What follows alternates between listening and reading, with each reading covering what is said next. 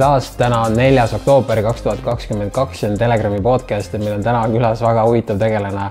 tema on Aivar Haller, tere Aivar. tere Ando. tere. tere Mariann. just... ta, on Eesti Dumbledore me just enne algust mõtlesime, et kuidas sind tutvustada, sest me vaatasime seda CV-d, mis oli väga kirev. ja me nüüd ei teagi täpselt, kuidas tutvustada, aga me loeme, ma loen paar asja ette, mis seal nagu välja paistis. Eesti Lastevanemate Liidu juhatuse esimees, Euroopa Lastevanemate Liidu asepresident, juhtumiskultuuri asutaja kaks tuhat kakskümmend üks, Eesti siseturvalisuse arengukava juhtimiskomisjoni liige kaks tuhat kakskümmend üks, igavene õpilane lisaks oled sa teinud viisteist korda elus kannapöörde. sa oled lugenud üle kahe tuhande kolmesaja raamatu. lisaks oled sa kirjutanud omaenda esimese raamatu Ükskõiksus, esimese raamatu, mis on avaldatud. ja lisaks sellele kõigele oled sa olnud ka kunagi relvakaupmees ja istunud ka vangis. väga rets meil ei ole kunagi. mina olen ainult ühe, mina olen kinni istunud ühe öö kui ma liiga palju pidutsesin, aga kõik need ülejäänud asjad on siin, noh, mul ei ole millegagi vastu hakata. et ma ei teagi, kust alustame, räägime äkki siis, miks sa selle raamatu kirjutasid? või, või üldse, paljud inimesed kindlasti tahavad teada, miks sa seda varem ei kirjutanud varem ma ei olnud selleks valmis. ja mulle tundub, et, et ma olen tegelikult äh, selline kutsealdis inimene, et äh, et mul, ma vajan nagu mingit sellist välist kutset ja, ja kui siis äh, sõber tegi ettepaneku see raamat kirjutada, siis, siis ma nagu sekundi pealt ma tundsin, et vau wow,, see on täpselt see, mis nüüd tuleb teha, ainult et, et see oli tegelikult üks teine raamat, mida ta tahtis, et ma kirjutaks sa, sa ei mõtle seda olümpiaraamatut? ei, ei, ei, et see, see raamat ähm, mida Jesper Parve mul palus kirjutada, oli, oli raamat ähm, haridusest ja, ja lapsevanema ja lapse suhtest. Et ma aitasin äh, Jesperil, Maril ja, ja Margarital Hiiumaal seda väikest kooli asutada. ja siis, äh, siis selle olime seal üsna mitu kuud juba, juba hoolega tööd teinud ja siis äh, ühel hetkel Jesper tuli ja ütles, et kuule, et et seda peaksid kõik lapsevanemad teadma, mida sa meile siin rääkinud oled, et, palun kirjuta raamat. ja sama hetk ma tundsin, et, et jah, et see on, see, seda on vaja nüüd tõesti teha. et mida ma seda asja ikka kogu aeg jutustan ja jutustan, et parem on, kui ta on kuskil siis käepärast võtta ja, aga siis, kui ma kirjutama hakkasin, siis ma kõigepealt sain aru, et, et ma ei saa kirjutada lihtsalt niisama, et alustada kuskilt sealt poole pealt, et ma ikkagi tegelikult ilmselt, et inimesed mõistaksid, miks ma olen nende mõteteni jõudnud, et ma ei ole neid lihtsalt kahmanud kuskilt nuka tagant, vaid et need on loomulikul moel minu sees tekkinud, siis ma otsustasin, et ma ikkagi alustan algusest. ja siis, kui ma hakkasin kirjutama juba ja jõudsin sellise struktuuri ülesehituseni, siis ma sain aru, et, et, et see ilmselt ühe raamatu sisse ei mahu. Ja et see siis on esimene kolmest? see on esimene kolmest, jah aga see osa, mis Esvel palus, et sa kirjutaksid, see tegelikult on siin ka olemas, nagu sa lihtsalt. ausalt öeldes väga napilt, et kuidagi, kuidagi läks niimoodi, et, et jah, et see esimene on, on pigem siis nagu äh, selline võib-olla siis minu kujunemise lugu, kus on tegelikult ära toodud, kus ma, kus ma käsitlen äh, lapse ja vanema suhteid, kus ma käsitlen puberteeti mis on mõlemad tegelikult ääretult olulised kasvatussuhet kui sellist ja, ja siis sinna juurde kõikvõimalikke riituseid, mida kultuuris kasutatakse selleks, et, et kultuuri kujundada ja, ja vajadusel muuta. ja, ja siis tulevad, järgmine raamat tuleb sellisest ettevõtluse ajast ja Vain ja partnerite selline ülesehitamise aeg on nagu keskmes. ja siis kolmas raamat tuleb tegelikult äh, kooli ehitamisest mm. -hmm. või ma ütleks niimoodi koolitee. koolitee -hmm. ja sest et tegelikult ju äh, Waldorf äh, koolide liikumine Eestis on ju valdavalt saanud, ennem tegelikult oli ka Nõmmel üks kool, on ju, aga. ennem aga... oli juba, Eestis oli juba, kui mina Waldorf pedagoogikast teadlikuks sain üldse, siis oli Eestis juba kuus kooli töötas. aga palju neid praegu on? praegu on üksteist minu meelest, jah mm. no nad ei olnud nagu nii suured. räägime lühidalt võib-olla, kes ei tea, mis asi on Waldorf kool? Äh, Waldorf kool on, on lastevanemate kool ehk see on siis tegelikult see kool, mille lapsevanemad loovad oma lastele. Ja, ja eripära võib-olla teistest erakoolidest on see, et või erinevus on see, et et seal, seal koolis esiteks ei panda hindeid. ülikõva on, on niisugune eksimise hirm võetakse maha juba eos, siis äh, esimesed kaheksa aastat on üks ja sama õpetaja, mis esitab õpetajale ääretult kõrgeid nõudmisi, ta peab olema suuteline siis põhiaineid andma.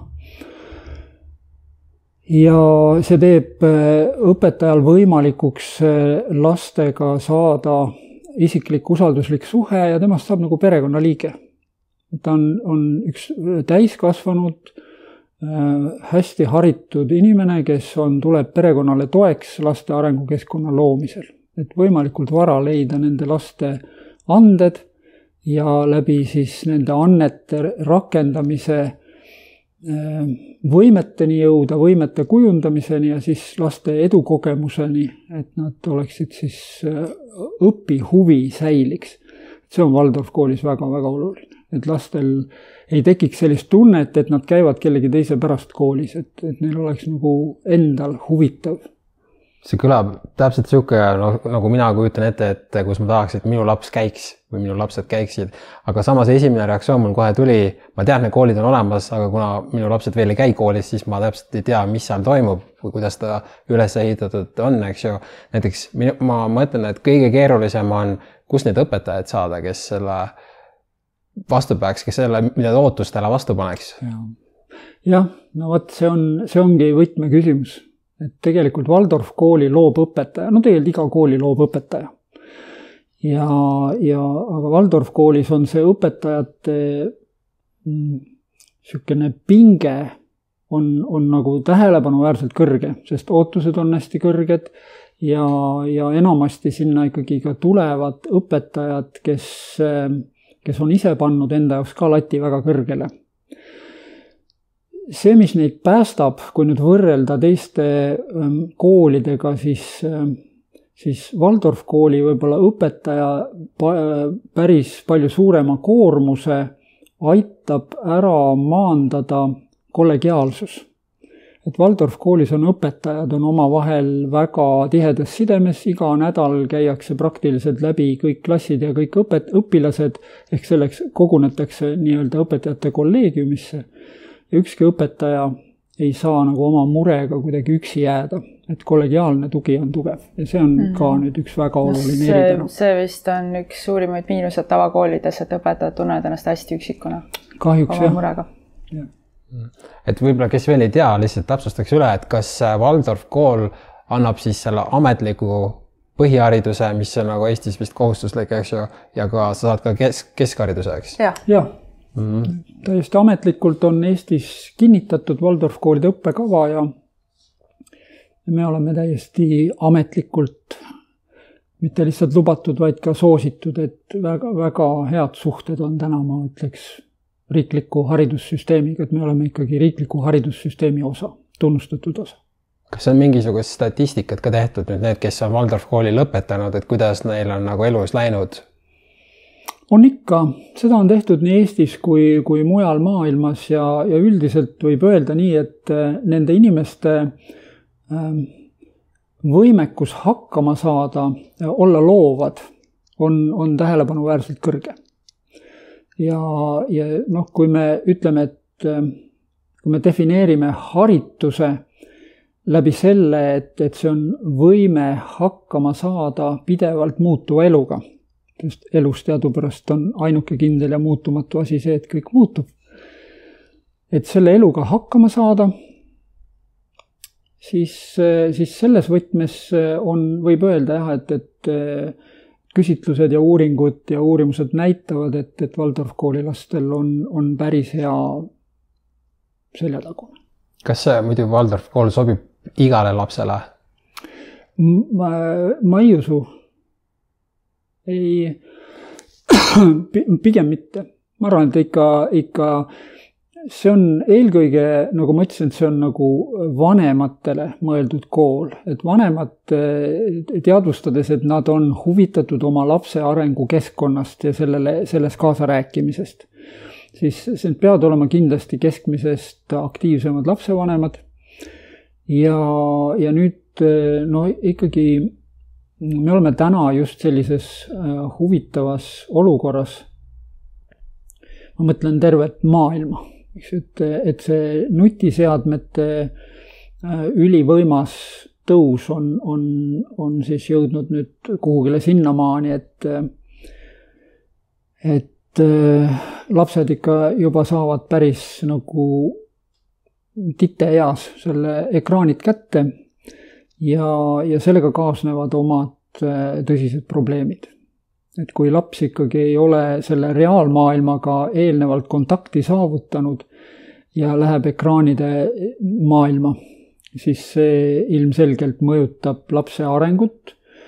Ja peab tunnistama, et, et Waldorf koolides on küll välja töötatud päris tõhusad programmid, kuidas lapsi sellest nutisõltuvusest ravida aga, aga kui neid lapsi on nüüd nagu liiga palju, ütleme sinna esimesse klassi juba, juba noh, võetakse üks või kaks selliseid lapsi.